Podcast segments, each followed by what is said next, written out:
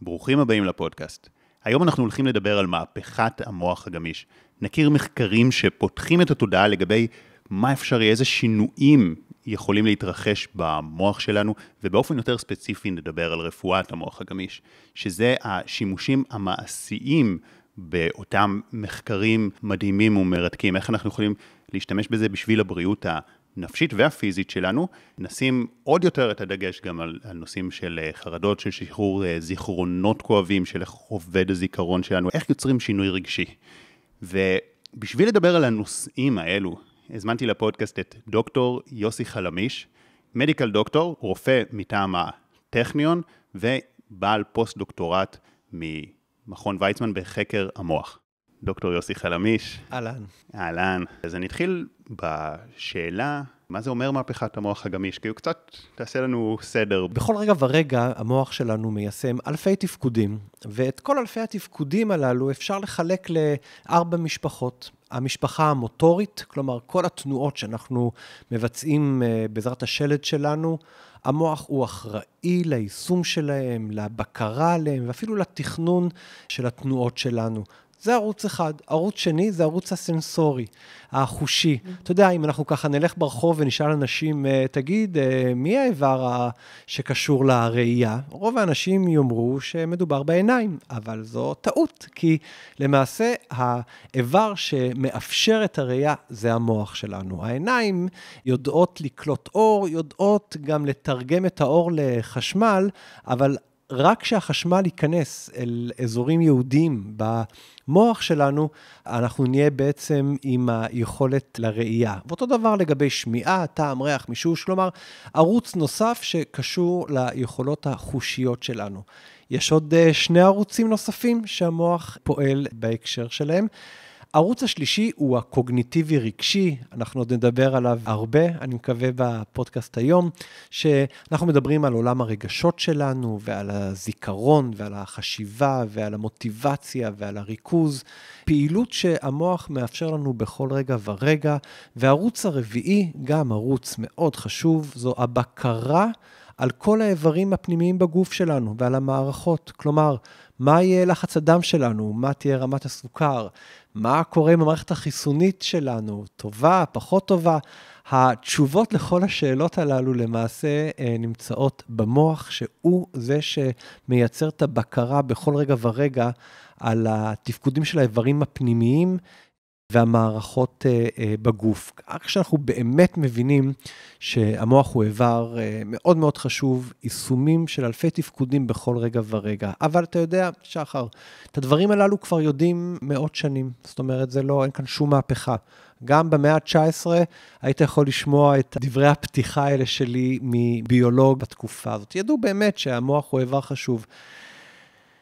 מה זאת המהפכה הזאת? המהפכה הזאת מתחילה מזה שבמאה ה-20 יש איזושהי הבנה שמככבת בחקר מוח, וההבנה היא שלמוח יש את השלוחות שהם אלו שמייצרים את כל התפקודים שדיברנו עליהם, והשליחים שמבצעים את התפקוד הזה, אלו תאי העצב.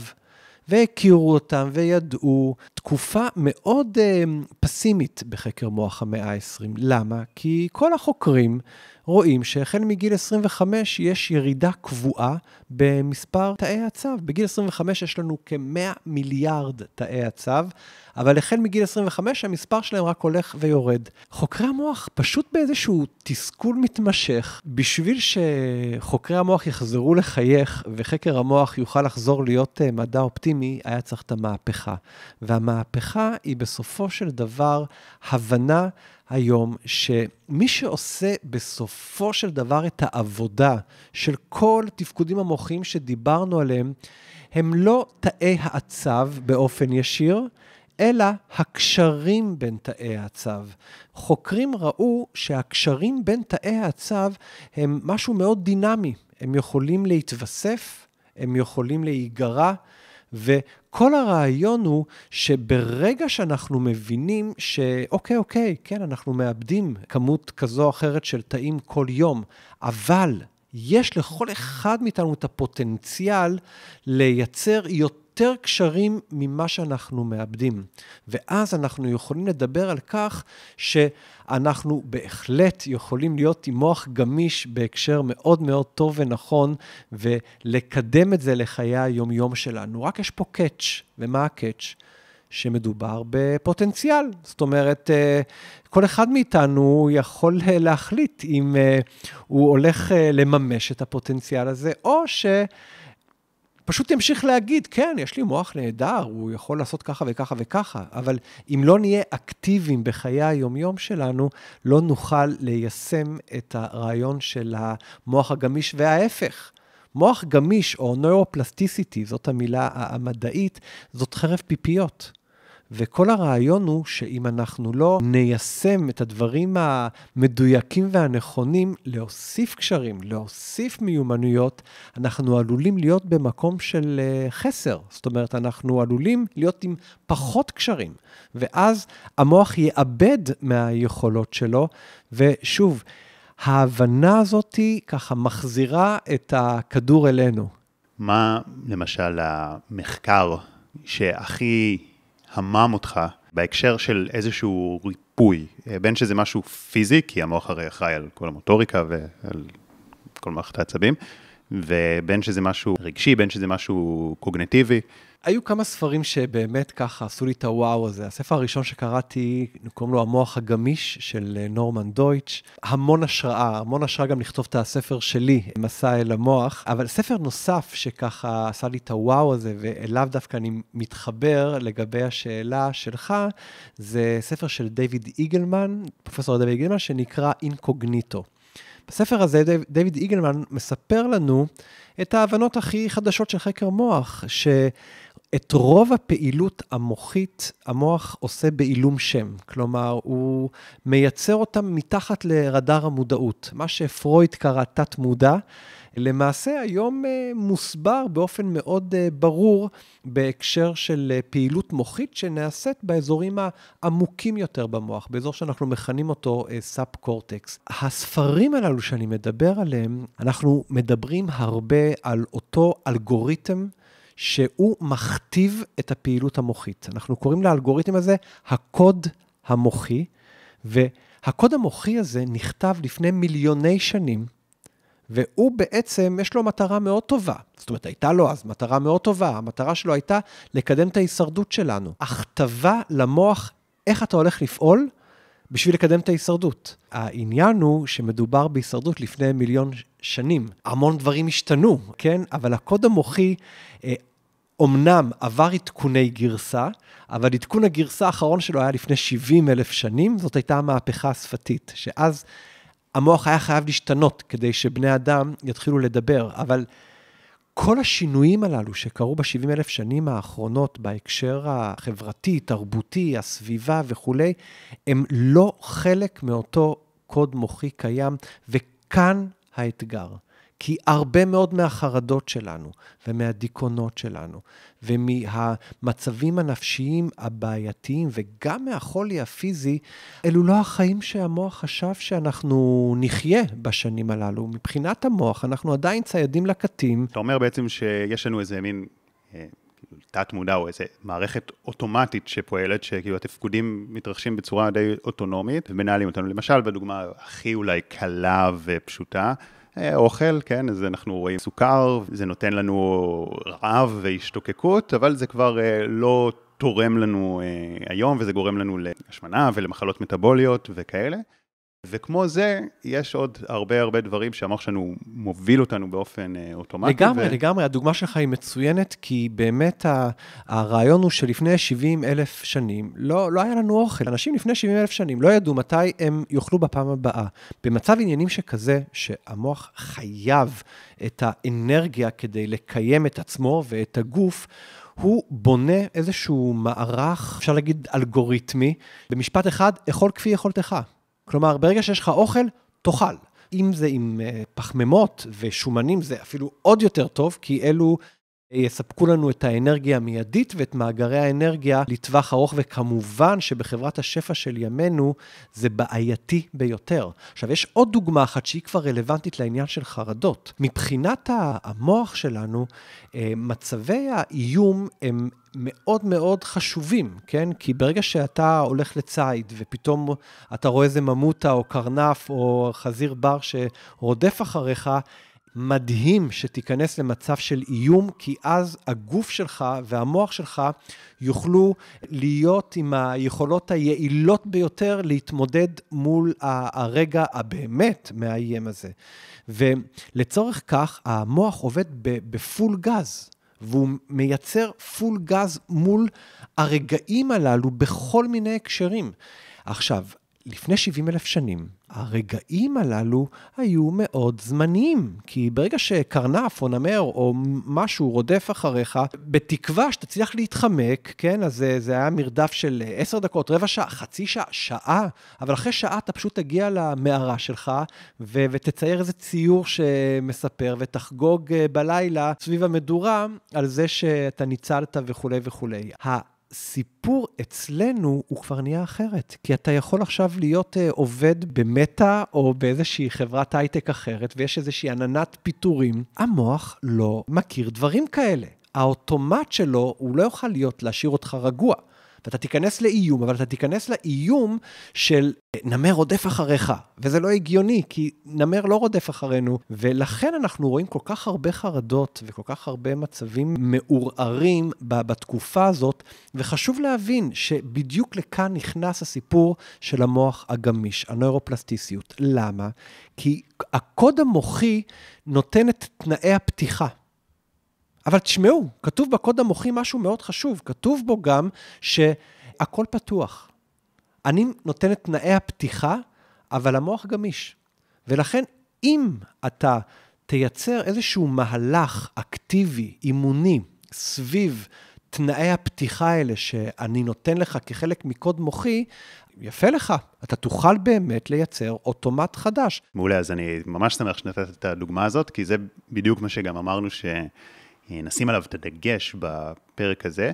ואני רוצה לתת עוד דוגמה, ואולי עוד כמה מין באגים כאלה במרכאות, שיוצרים לנו עניינים רגשיים, ובסוף כמובן ניתן גם אה, כלים למה לעשות עם זה, למרות שאני חושב שעצם ההבנה היא כבר אה, תהליך, כי, כי, כי אני חושב שעצם ההבנה למה מפעיל אותי, נותן לי איזה מרחב נשימה אדיר. כן, אני מבין את הנסיבות שגורמים לי עכשיו לחרדה, אני פחות מאמין לזה, אני מבין שזו איזושהי תגובה פיזיולוגית שהיא לא קשורה אליי, היא קשורה בכלל נכון. לסבא של הסבא של הסבא. זה ב... נכון.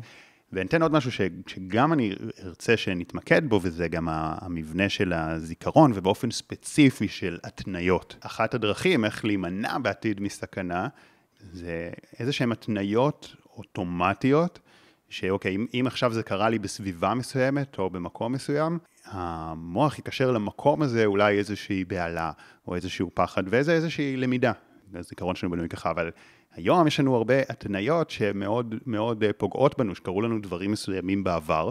בגלל המבנה של הזיכרון שלנו, זה הוטמע לנו באיזושהי התניית פחד, והפחד אחר כך מופעל בדברים עתידיים שהם לא בהכרח רלוונטיים, והוא כבר רק פוגע בנו. זאת אומרת, יש לזה איזשהו... אה, מנגנון מאוד חיובי שהתפתח במוח, אבל זה מאוד פוגע בנו. אז נשמח שנרחיב על המנגנון הזה של האופן שבו הזיכרון שלנו עובד, ובאופן כן. ספציפי התניות פחד כאלה. כן, תודה. באמת, תראה, שחר, העניין של זיכרון הוא מאוד מעניין. יש לי פרק בספר שלי, זיכרון לא מה שחשבנו. כי... שוב, זה, זה בדיוק הסיפור של המהפכה. במאה ה-20 הסיפור של זיכרון היה מאוד ככה, לכאורה, ברור, מאוד פשוט, מאוד מובן, ו- ורק אחרי המהפכה, שהבנו שהמוח הוא רשת עצבית אחת גדולה, אנחנו בעצם מבינים עד כמה העניין של זיכרון הוא הרבה יותר מורכב ממה שחשבנו. בספר אני מרחיב על זה, ואני רוצה עכשיו לתת את, את הדוגמה שבאמת תהיה רלוונטית לשיחה שלנו. וזה שבדיוק כמו שאמרת, לזיכרון יש תפקיד מאוד חשוב מבחינת המוח. והתפקיד שלו זה לא שנדע מה קרה בעבר. את המוח שלנו לא מעניין שנדע מה קרה בעבר. התפקיד של הזיכרון זה שנשרוד טוב יותר בעתיד. והדבר השני שהוא מאוד מעניין ורלוונטי לנו, זה שזיכרון, וכך גם חשבו במאה ה-20, אה, נו, זיכרון, אתה רוצה להיזכר ב, בסיפור שקרה לך שלשום? אז הנה, אז שלשום קרה לי ככה וככה וככה. רגע, רגע, רגע, צריך להבין שזה רק ערוץ אחד שקשור לזיכרון. זה הערוץ השפתי שמתאר את המידע, המידע היבש. אבל צריך להבין שזיכרון לאירוע מסוים, זאת תוכנה מוחית שמורכבת מהרבה מאוד ערוצים. ויש בה את הערוץ השפתי של המידע, יש בה את הערוץ הרגשי, יש עוד הרבה, אבל אני אתן את השלושה העיקריים, כן? אז הערוץ השפתי, הערוץ הרגשי, כלומר, מה הרגש שהיה באותו הרגע, ו... ערוץ פיזיולוגי. כלומר, מה היה לחץ הדם שלי? איך הייתה המערכת החיסונית שלי באותו רגע? מתוך הבנה כזאת שזיכרון זה בעצם איזושהי תוכנה רב-ערוצית, בואו נבין את, ה, את הפוטנציאל של זיכרון, שוב, לטוב ולרע.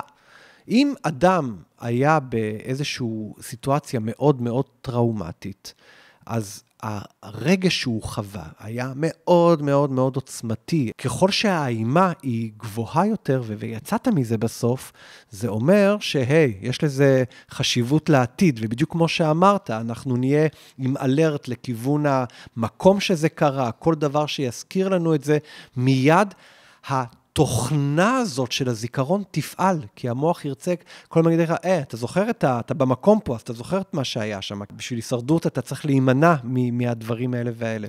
עכשיו, העוצמה של זה, זה שזה בעצם מעורר את כל הערוצים, גם את הערוץ הרגשי. גם את הערוץ, כמובן, של הידע, המידע השפתי, וגם את הערוץ הפיזיולוגי. כלומר, אנחנו נטפס עם לחץ הדם, אנחנו נהיה בתגובה חיסונית כזו או אחרת, אנחנו נהיה בכל מיני מרכיבים שבאמת ישחזרו את הזיכרון הזה עד תום. שוב, שאנחנו במאה ה-21 ולא 70 אלף שנים אחורה, זה בהחלט יכול להיות אה, מאוד מאוד בעייתי, אבל יש לכך תקומה. כלומר, אנחנו יודעים שאנחנו יכולים להשתמש באותו הרעיון המוחי, כן, בהקשרים שהם יהיו גם מאוד מאוד חיוביים, כי אם יש איזשהו זיכרון אחר במוח שלנו, שהוא עוצמתי, כי זאת חוויה מכוננת שעברנו, עכשיו, צריך להבין שגם החוויה המכוננת, איזה טיול מדהים שהיינו בו, ראינו דברים מדהימים, אנחנו התנדבנו באיזשהו מקום בעולם, ובאמת עזרנו לאנשים, והרגשנו גאווה וביטחון עצמי, וכל הדברים הטובים והנכונים הללו, צריך להבין שזה כוח מאוד מאוד עוצמתי כנגד. בבית ספר שלי ובחיים הקליניים, בטיפולים שלי, על זה אנחנו שמים את הדגש. כלומר, היי, בוא נמצא את היריב לזיכרון הטראומטי. נמצא אותו ביחד.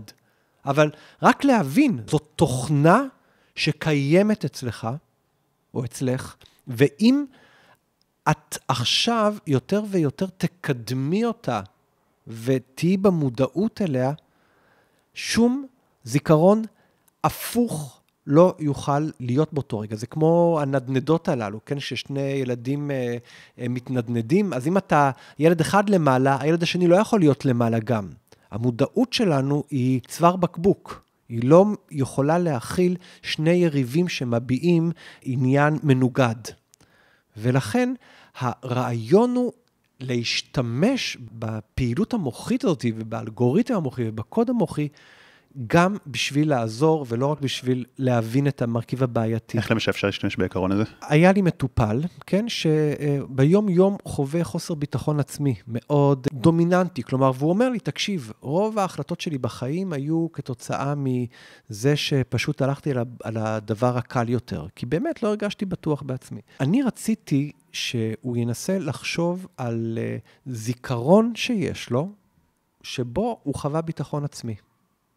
והוא ממש ניסה לחשוב, ורק אחרי איזה דקה, שתיים, הוא אומר, אה, רגע, איך שכחתי? אני, אה, אני גולש בים. ושאני נמצא, שאני מצליח להתרומם ואני עומד על הגלשן, ברגע הזה אני מרגיש מלך העולם. אבל מיד אחר כך, שוב פעם, אני עם חוסר ביטחון עצמי וכולי וכולי. עכשיו, יש פה כלי פנטסטי. כי בעצם מה הוא מספר לי, שאני מתרגם את זה עכשיו לפעילות מוחית? הוא מספר לי, תקשיב יוסי, יש לי תוכנה מוחית מדהימה, שיש בה ערוץ רגשי פנטסטי, מאוד חזק של ביטחון עצמי והערכה עצמית ורגש אה, טוב ונעים ומשמעותי. פשוט הערוץ הזה הוא לא זמין למודעות. הוא, הוא זמין רק בהקשר שאני נמצא בים ואני מצליח להתרומם על הגלשן. אבל חוץ מזה, אין לו שום חיבור למודעות היומיומית. מבחינתי, ברגע שהתוכנה קיימת, כל השאר זה עניין של שלוחות עצביות. ומוח גמיש יודע ליישם את השלוחות העצביות הללו, ולכן ככל ש... אנחנו נייצר דמיון מודרך לרגעים האלה שבו, שבהם הוא נמצא עם הגלשן, אנחנו נחזק את הקשר בין המודעות לבין היכולת אה, להיות ולהפעיל את הערוץ הכל כך נכון הזה. עכשיו, ברגע שהערוץ הזה יפעל, אז שוב פעם, זה שני הילדים שמתנדנדים, כן? הוא לא יכול להיות בחוסר ביטחון. בעת ובעונה אחת, ובתחושה שהוא מלך העולם אה, במקביל. זאת אומרת, זה פשוט בלתי אפשרי. זה או זה או זה. ואז יותר ויותר הוא מאפשר לערוץ הנכון הזה, דרך הזיכרון המכונן הזה, להיות זמין ונגיש למודעות שלו, עד שזה פשוט יהפך לאיזשהו הייווי. פשוט יהיו הרבה מאוד חיבורים מתוך האימון והתרגול, זה לא יקרה סתם, כן? כן, האמת שהעיקרון הזה הוא מדהים וחזק בקורסים של ה... NLP גם משתמשים המון המון בעיקרון הזה, שם זה נקרא בין היתר מיטוט עוגנים. ראיתי שיש את זה בעוד שיטות. בשיטות שעובדות יותר על העומק הרגשי, יותר על התת-מודע, שההפעלה הזאת של שני ערוצים בו זמנית, כמובן צריך לוודא שהערוץ החיובי ישתלט, כשמפעילים את זה בו זמנית קורה משהו, ואני חושב, מה שגם מאוד מאוד אהבתי שאמרת, מעבר להפעלה הבו זמנית הזאת, ששוב, אני, אני רואה אותה כאיזשהו עיקרון בסיסי בהמון המון שיטות שלמדתי, אז כל אחד יש לו קצת תיאוריה אחרת והסברים אחרים, ואולי טכניקה אחרת של איך לעשות את הדמיון המודרך או את המדיטציה או, את ה, או באופן שיחתי, אבל זה, זה יושב על אותו עיקרון נוירולוגי. ועוד דבר שמאוד אהבתי, זה שחילקת את הזיכרון לרגשי קוגניטיבי ופיזיולוגי, זאת אומרת, איך שאנחנו תופסים זיכרון. בשנת 2003 אה, הייתי בבית שם וככה. ואת הזיכרון אבל שהוא יותר רגשי, ואני חושב שזה גם משהו שתוקע, שתוקע הרבה אנשים, לשני הכיוונים. או יש להם איזה זיכרון, קרה משהו, עם חוסר ביטחון, דיברנו, אז אה, צחקו עליהם בכיתה, ואז הם כזה מאוד נסגרו. עכשיו הם מבינים שהם כבר לא בכיתה, הם מנהלים של, אה, או בצוות, הם מנהלים של צוות, הם צריכים לדבר מול אנשים, כולם מעריכים אותם, הם צריכים להגיד את זה, אבל עדיין הם תקועים. הם מבינים שהעבר שונה מהעתיד, אבל הם תקועים בגלל שהם שחררו את, את זה הגיונית עם הזיכרון המילולי, אבל הרגש תקוע, ואז צריך לשחרר את הרגש. יש גם כיוון הפוך, נגיד, זה בעיקר עם הזיכרונות המאוד ראשוניים שלנו, שעוד לא היה לנו זיכרון מילולי מפותח, אולי הרגשנו איזה רגש של דחייה חזק מאוד, אבל עוד אפילו לא היה לנו זיכרון.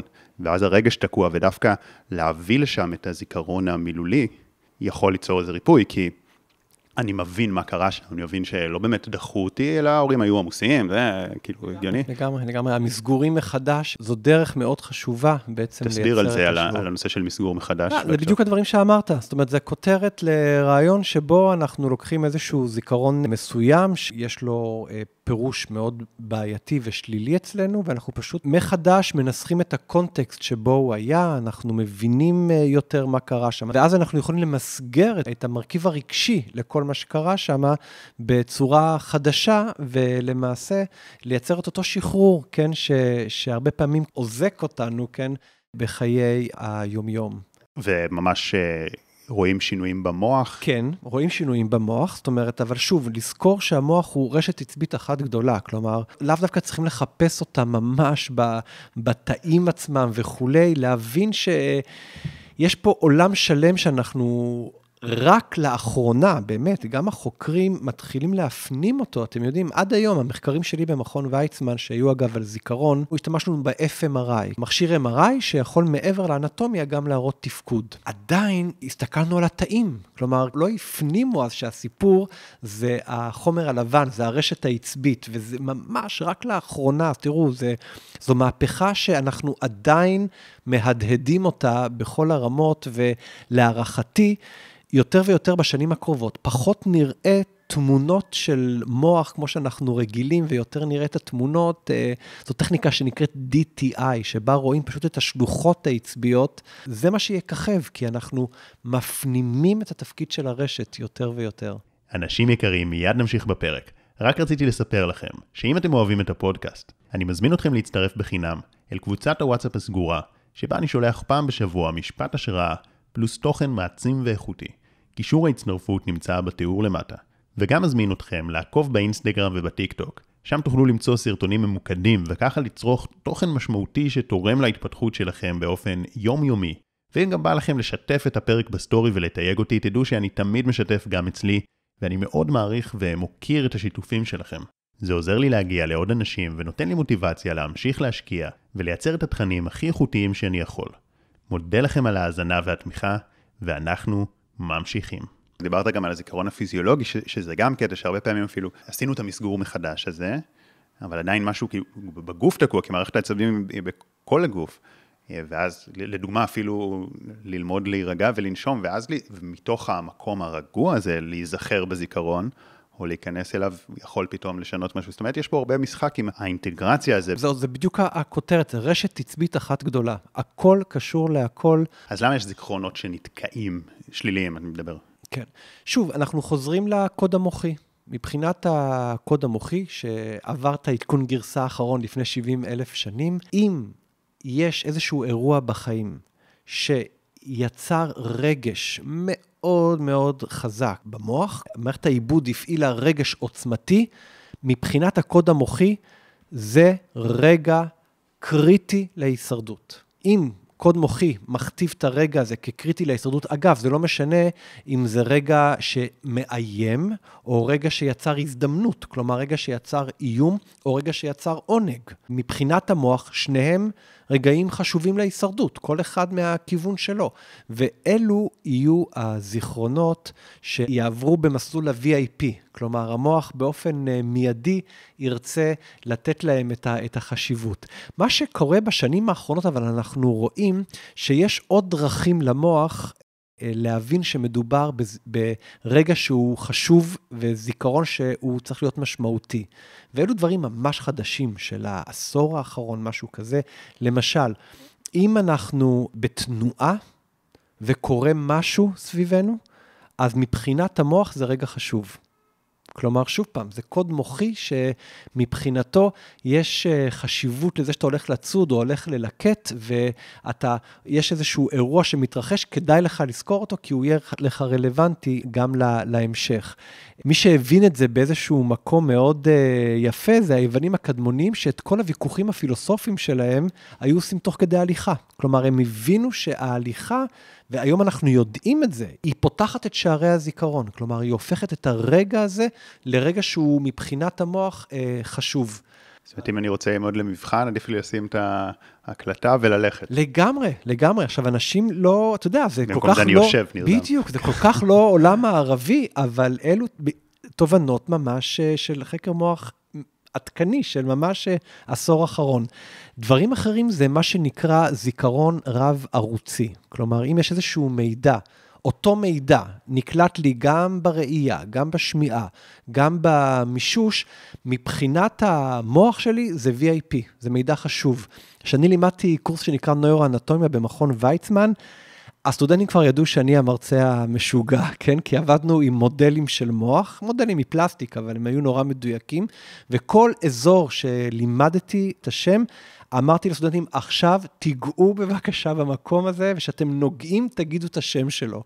חוקרי מוח, אנשים רציניים, תואר שני, תואר שלישי, אבל הם באמת אחרי המבחן הודו שזה פשוט עזר להם לזכור את המקומות ואת השמות המאוד מורכבים לפעמים של האזורים המוחיים השונים. ככה שזיכרון רב-ערוצי הוא עוד דרך לייצר, ויש עוד ככה מגוון של דרכים להשפיע על המוח בהקשר של להפוך איזה רגע לרגע שהוא משמעותי יותר מבחינת המוח. יש את כל מה שנקרא הנמוניקה, עזרי זיכרון, כן? זה איזושהי תורה שכבר. היוונים הקדמונים השתמשו איתה, ובתכלס צדקו לגמרי. כלומר, אה, הרעיון פה הוא נורא מעניין, כן? כי כשאנחנו מדברים על זיכרון, אנחנו בדרך כלל מדברים על הזיכרון השפתי, לזכור אה, דברים כן. שנאמרו.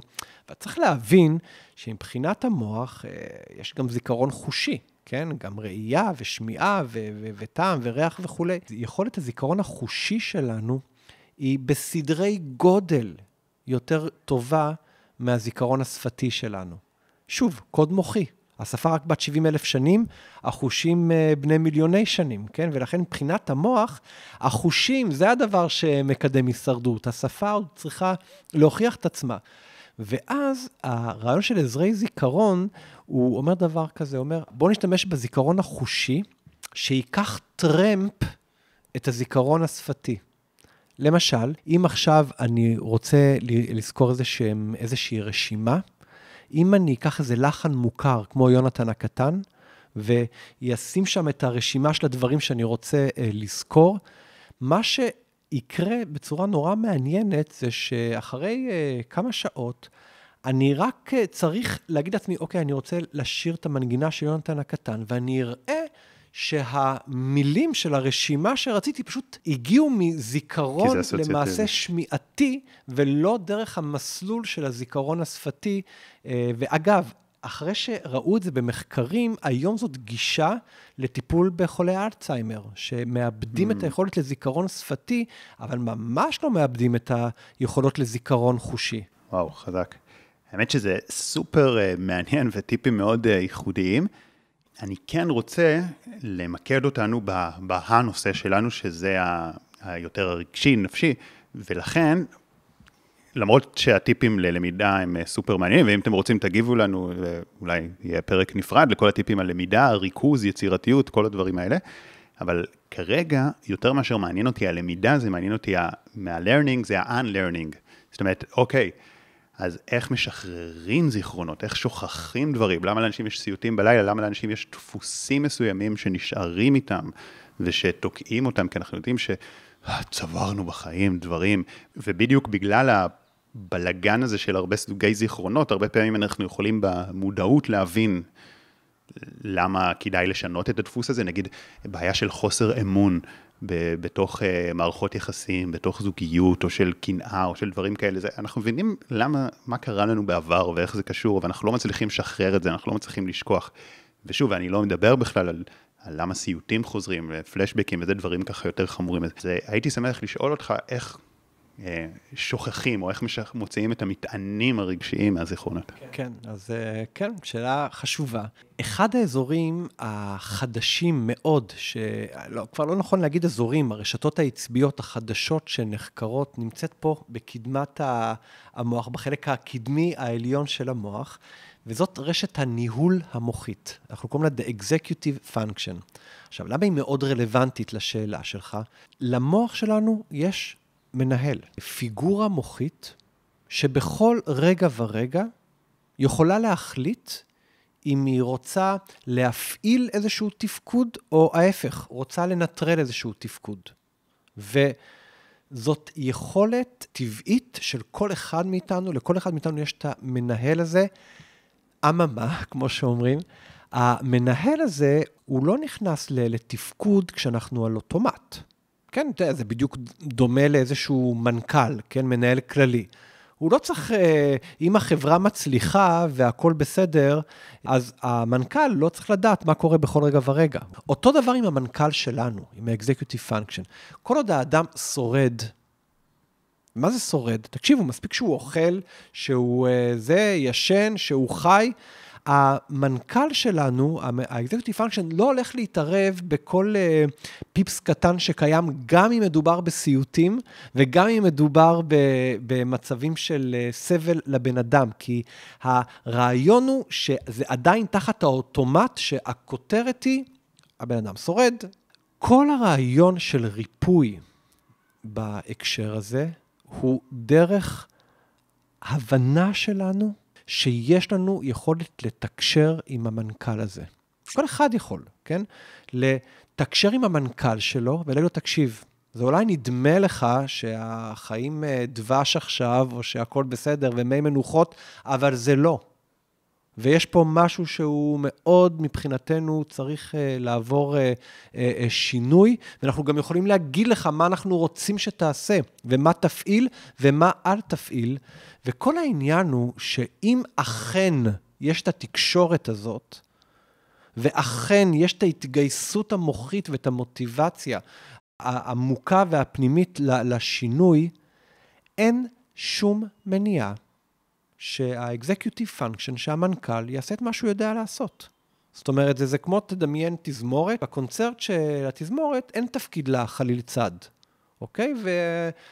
והמנצח יכול להחליט שהוא דווקא כן רוצה לתת תפקיד לחליל צד, והוא בונה לו איזושהי פרטיטורה, והוא כן ייתן לו לנגן את הדברים למרות שאין את זה, אז הוא עושה עיבוד על האוטומט של היצירה הזאת אה, מימים ימימה. וזה בדיוק הסיפור שאנחנו יכולים לעשות בהקשרים הללו. אנחנו יכולים לתקשר עם המנהל, אנחנו יכולים לאפשר לו לייצר את מה שהוא יודע לעשות, ובסופו של דבר, דרך התקשורת הזאת והחזרתיות הזאת והאימון הזה, הייתי קורא לזה, זה מאוד אקטיבי, זה, זה לא קורה סתם, זה משהו שבאמת דורש מהאדם עצמו אה, בשביל לייצר את זה, אבל עם הזמן זה יוכל להיות האוטומט החדש.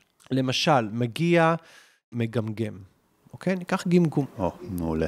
ל-99 פסיק, לא יודע כמה אחוז מהאנשים המגמגמים, אין שום בעיה מוחית. זה התחיל מזה שהם ראו מישהו מגמגם סביבם, וכשהם התחילו לגמגם, הם קיבלו איזושהי תשומת לב, אוקיי? כזו או אחרת. עכשיו, זה לא משנה איזה תשומת לב הם קיבלו, אם זה לטובה או לרעה. אתה זוכר שמבחינת המוח, גם אם זה לרעה, גם אם גערו בהם, זה משהו שמבחינת המוח אומר, יש לי פה אישו עם הישרדות. כלומר, זה יצר משהו שהדגיש את הרגע הזה. אצל חלק מהאנשים זה פשוט נלמד, נצרב, זהו. זה, זה האוטומט החדש שלהם שהם מגמגמים. שוב, מוח גמיש.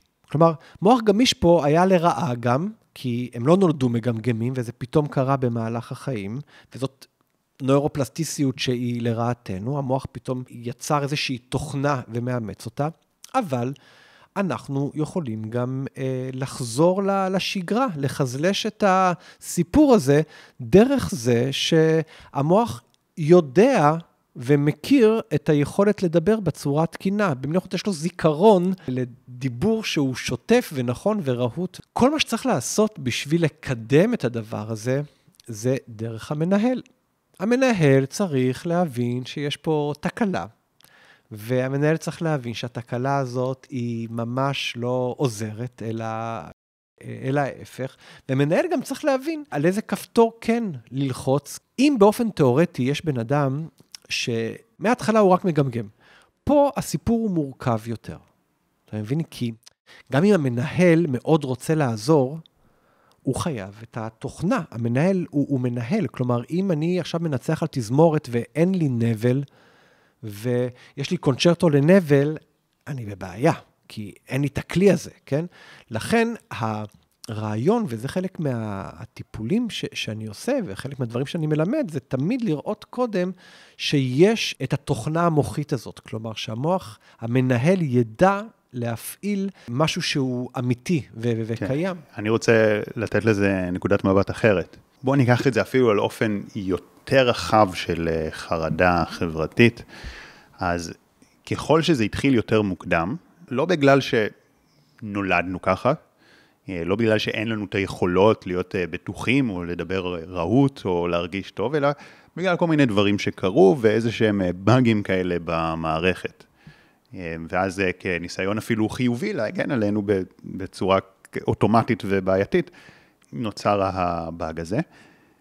ואז, באמת ככל שזה קורה יותר מוקדם, אז יותר שנים גם צברנו של חוסר מיומנות. למשל, אם ניקח את זה על משהו יותר רחב, למשל בן אדם שהוא מאוד ביישן, ואז הוא נמנע מקשרים חברתיים, אז הוא גם נכון, הוא לא צובר מיומנויות. ואז זה מתחזק, כי הוא אומר, הוא לא צובר מיומנויות, הוא לא יוצר, והוא אומר, וואי, אני באמת לא טוב עם אנשים, אני באמת אין לי את זה, אני באמת ביישן, זה טבוע בי, ואז האמונה מתחזקת, ואז הוא עוד יותר נמנע, וזה מין מעגל כזה שיוצר מציאות ומגשים את עצמו, נבואה שמגשימה את עצמה, ואז הוא אומר, טוב, באמת אין לי יכולת לשינוי. וגם באמת אם הוא מנסה להשתנות, אפילו אם הוא עשה עבודת אמונות וככה התפקס על עצמו, זה לא קורה ביום אחד. זה לא כזה רק הוא עשה איזה דמיון מודרך וזהו, הכל השתנה, כי באמת נצבר זמן, אבל אפילו אם עשיתם תהליך רגשי וזה לא משתנה ביום אחד, זה עדיין לא אומר שהבעיה היא במוח, זה אומר שפשוט זה, לא, זה לוקח זמן, זה תהליך, אבל עדיין הבאג הרגשי או האמונה או, או הדפוס הוא מה שיצר את המציאות, וזה לא המציאות היא שיצרה את האמונה. זה לא שנולדנו עם, בלי, בלי היכולת הזאת, לדבר רהוט או לדבר בביטחון, אלא שפשוט במשך הרבה שנים היה פה מנגנון של נבואה שמגשימה את עצמה. כן, לגמרי, אני רואה את זה כאסטרטגיה ניהולית שאנחנו צריכים לשנות אותה, אבל זה באמת ברמת הניהול ולא ברמת הבסיס כן. מבחינת השחקנים, כי השחקנים הנכונים והטובים הם בדוגמאות שנתנו, כן. השחקנים קיימים. במטאפורה שלך, אז בעצם יש מקרים שהמנהל רק צריך לעשות, אם זה בעיה חדשה יחסית, אז הוא רק צריך לנווט מחדש, אם זה בעיה כזה ישנה, אז הוא צריך גם אולי לעשות להם איזה הכשרה מקצועית. בדיוק, כן. בדיוק, אבל צריך להבין באמת שזה לא זבנג וגמרנו. כלומר, הרבה פעמים זה באמת תהליכים. יש דברים שמאוד פשוטים יחסית לעבודה ניהולית נכונה, כמו למשל הפסקת עישון, במידה והבן אדם רוצה להפסיק לעשן, כן? כי כן. הכוח אנטי-עישון שנולדנו איתו, הוא, הוא כל כך, כל כך עוצמתי, אם הבן אדם יש לו מוטיבציה, אז באופן יחסי, קל יותר לשים אותו בנדנדה במקום הגבוה, ואז הוא יצא לפועל, ולכן בטיפולים, בעזרת היפנוזה למשל, שאני, שאני עושה, אז זה, זה מפגש אחד. כלומר, לא כן. לא צריך יותר מזה אפילו. נכון. כי זה גם, זה לא צריך איזו מיומנות לפתח, זה רק שינוי מנטלי וזהו. רק... הדברים שלוקחים מיומנות לפתח לוקחים זמן. בדיוק, זה אסטרטגיה מוחית עכשיו, בדיוק, והדוגמה, ונחזור לדוגמה שאתה נתת עם הרגלי אה, אכילה חדשים, כן, בחברת שפע שלנו, שאנחנו אוכלים סוכרים וכולי, זה ייקח זמן. כי אתה צריך לייצר פה משהו שהוא בניגוד לקוד מוחי. ואז אנחנו צריכים באמת לפתח פה איזשהו אוטומט חדש, שבו אתה אשכרה רואה מתוקים, ואתה במנטליות שזה רעל. ולכן לא יהיה לך רלוונטי בכלל לאכול אותם. זאת אומרת, וזה משהו שאפשר להגיע אליו, אני יכול להגיד על עצמי, אני כבר חצי שנה במקום הזה, מתוך עבודה עצמית, כי זה פשוט הבנתי שזה נכון לי, אבל זה, זה מאוד מאוד חזק. זאת אומרת, אני הייתי חובב uh, מתוקים מושבע, ובאמת היום זה פשוט, זה לא רלוונטי לי. ושוב, זה הודות למוטיבציה והודות לתהליך. יש לי עוד שאלה שממש מעניינת אותי בהקשר לדוגמה שנתת על גמגום. זה שתי שאלות בתכלס. אנחנו יודעים שיש איזו קורלציה בין גמגום לחרדה חברתית באופן הגיוני, כי מי שמגמגם, אז זו חוויה מאוד לא נעימה וקשה חברתית, ומעניין אותי האם, מה כיוון הסיבתיות? האם בן אדם מגמגם וזה יצר לו חרדה חברתית, או האם בדרך כלל קודם בן אדם הייתה לו איזושהי חרדה חברתית או איזשהו עניין חברתי וזה יצר לו גמגום? והדבר השני שעניין אותי בדוגמה הזאת, אתה אמרת פה משהו מאוד גדול, אמרת פה, בגלל איזשהו זיכרון, הבן אדם התחיל לגמגם, שהוא, זה נתן לו תשומת לב או משהו כזה, ושזה לא עניין מוטורי שהוא לא יכול להניע את ה... זה לא איזה פגיעה מוחית. וזה משהו גדול, האם, האם יש עוד דברים כאלה? יש המון דברים כאלה, שאנחנו קוראים להם uh, הרגלים, כן? הרגלים, uh, פעם קראו לזה הרגלים לא רצוניים, היום אנחנו קוראים לזה הרגלים לא רצויים, כן? כי אין דבר כזה בתכלס, לא רצוני ברמה הרחבה והעמוקה. שוב, נוירופלסטיסטיות, אנחנו לא במאה ה-20, הדברים באמת יכולים לעבור שינויים. אז כל הקבוצה הזאת של ההרגלים הלא רצויים, שגם בפסיכיאטרה אנחנו מכירים כמה, חוץ מהגמגום, אנחנו מכירים את הטיקים שבהקשר הקיצוני, זה, זה הטורט, כן? ואנחנו מכירים את הטריקוטילומניה, אם שמעתם פעם, זה מריטה של שערות, כן? אנשים פשוט מורטים את השערות. כל מיני מצבים, וכמובן, מה שנקרא פסיכוסומטי, יש להם מקור אחד שחשוב להבין, וזה בעצם אחד הנושאים שמרתקים היום את אה, חוקרי מוח. ואנחנו מדברים על האיום, על הרגש של האיום, שהוא בעוצמות גבוהות, או שהוא אה, לא מנותב נכון בצורה רצויה בהקשר של הדרכים להוריד את גובה הלהבות. אז קצת ככה אני אספר על כל אה, ערוץ מהשניים, ש, שבאמת יש ביניהם גם קשר, והם אלו שמרכיבים את רוב ההפרעות הנפשיות. זה, זה מטורף, כן? ואני, ברור לי גם שבעוד עשר שנים אני אוסיף לזה ואת רוב ההפרעות הגופניות. אגב, עדיין לא מבחינת הממשלים, הממשלות, כן? הממשל, ששם הסטרס הוא תפוח אדמה לוהט.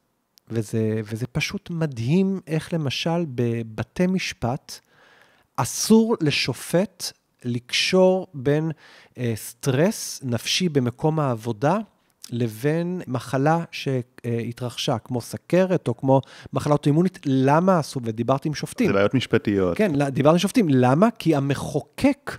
לא יצר את הקשר הזה, זאת אומרת, הוא לא, הוא לא מוכן לייצר את הקשר הזה. זה גם ברגע שאתה יוצר קשר כזה, זה, זה מאוד משנה מבחינת ביטוחים, מבחינת בדיוק, מקומות בדיוק. עבודה. בדיוק, בדיוק, זה... זה הסיפור, תפוח אדמה לוהט, שלא כן. מתעסקים איתו יותר מדי, אבל חשוב להכיר את, ה, את הידע המדעי לגבי סטרס. כן. והידע המדעי אומר דברים מאוד מאוד חשובים, הוא אומר, תקשיבו. כל אחד מאיתנו יש רגישות שונה באמת לעוצמת האיום שנקבל כתוצאה מאיזשהו גירוי מסוים. כן, שני אנשים יהיו תחת אותו מצב חיים, אחד מהם יהיה עם רמת סטרס 3, השני יהיה עם רמת סטרס 10, אוקיי? צריך להבין שיש גם את העניין של הטמפרמנט, כלומר, המרכיבים הגנטיים שבין היתר קשורים ל- לרגישות שלנו. אבל שוב פעם, אלו תנאי פתיחה, הם יכולים לעבור שינוי. כאשר העוצמה של הסטרס היא גבוהה מאוד, היא יכולה לקבל ביטויים פיזיים וביטויים נפשיים שה... המטרה דרך הביטויים הללו היא להקטין את עוצמת הסטרס. אז זה ביטויים גופניים, אנחנו מכירים את זה. זה כאבי בטן במקרה הטוב, או בכלל, כאבים במקרה הטוב. במקרה הגרוע יותר, זה הפיברומיאלגיה, זה הכרוניק פתיק סינדרום, כן, מה שנקרא מחלת היאפים. זה מחלות אוטואימוניות, זה בעיות בבלוטת התריס וכולי, וזה אפילו יכול להיות גידולים ממאירים. זאת אומרת, אלו דרכי מילוט, מין נתיבים כאלה, שלמעשה הסטרס בעוצמה הגבוהה עלול להתבטא בהם בהקשר הגופני. בהקשר הנפשי, אז אנחנו באמת מבינים שהאנשים הללו יהיו חשופים יותר למצבים שבהם הם מאוד אמוציונליים, מאוד אה, ככה פועלים מהמותן, כן, שולפים כל הזמן דברים. הם יכולים להיות יותר עם הדיכאונות, ובאמת עם החרדות, ועם הפוביות, כן, החרדות נורא ממוקדות. הם יוכלו להיות יותר במצבים של ה-OCD, כן, ה-Obsessive Compulsive Disorder, עם נטייה כזאת לעודף פרפקציוניסטיות, אבל שמגיעה מתוך עולם חרדתי, אה, למעשה. תוכל להרחיב על הנושא הזה של ה... מחשבות טורדניות? כן, השורש זה רגש של איום, שהפעם הוא מנותב למשל לרעיון שהידיים שלי לא נקיות, הן מלוכלכות. איזה רגש בהם... של איום למשל? אמרת השורש, אז מה השורש של זה? אמרנו שבהקשר רחב זה הרבה מאוד ממקום אפילו של טמפרמנט, נסיבות חיים. זאת אומרת, יש איזשהו איום ברקע, והאיום הזה ברקע, אנחנו יודעים שהאיום ברקע זה פעילות של אזור מוחי שנקרא אמיגדלה, כן? ושהאזור הזה פועל ביתר, לא בצורה מאוזנת, זה יכול להגיע לכל מיני נתיבים, ואנחנו לא יודעים, זה כמו שתיקח מים, ואתה לא יודע לאן המים יחלחלו בסופו של דבר, מאיזה כיוון. אותו דבר כאן, העודף איום הזה פשוט יכול לקבל כל מיני ביטויים. אצל מישהו זה יהיה בעיה אבל רגע, גופנית. אמרת שזה פועל ברקע, אתה מדבר ש... זה פועל יתר ברקע כל הזמן? כן. זאת אומרת שיש אדם שהוא יותר מאוים, יותר רגיש לאיום. ורואים את זה באמיגדלה? ורואים את זה באמיגדלה. בפעילות שהיא יותר פעילה. חד משמעית. למה בן אדם מסוים הוא ככה? או, אז כאן יש מרכיב של טמפרמנט, זאת אומרת, מרכיבים גנטיים שקשורים לרגישות. אוקיי, זה לא בשליטתנו. לא בשליטתנו. שחרר, ו- איזה עוד מרכיבים? ויש את הנסיבות חיים ש- שהיו לו כבר מגיל קטן, והחוסר, ה- ה- היכולת הטכנית אולי אפילו, להתמודד ולהתנהל נכון מול המצבים המאיימים, ופשוט להיות עם איזושהי הצפה שהייתה יותר ויותר קבועה בחיים שלו, ואתה זוכר את המוח שלנו, אם יש משהו שהוא...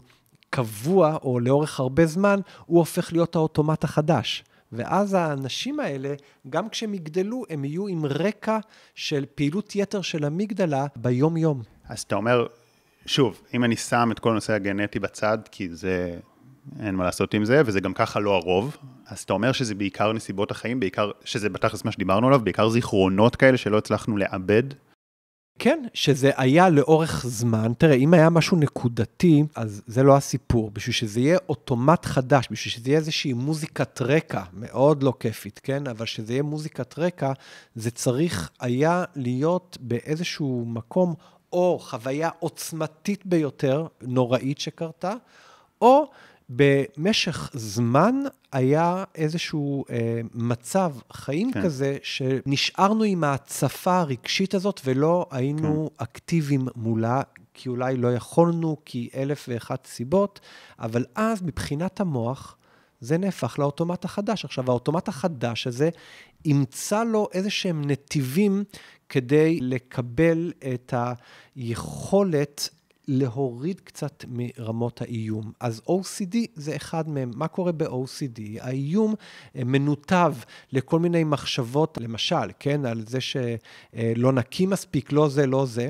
והאדם יודע שזה לא הגיוני.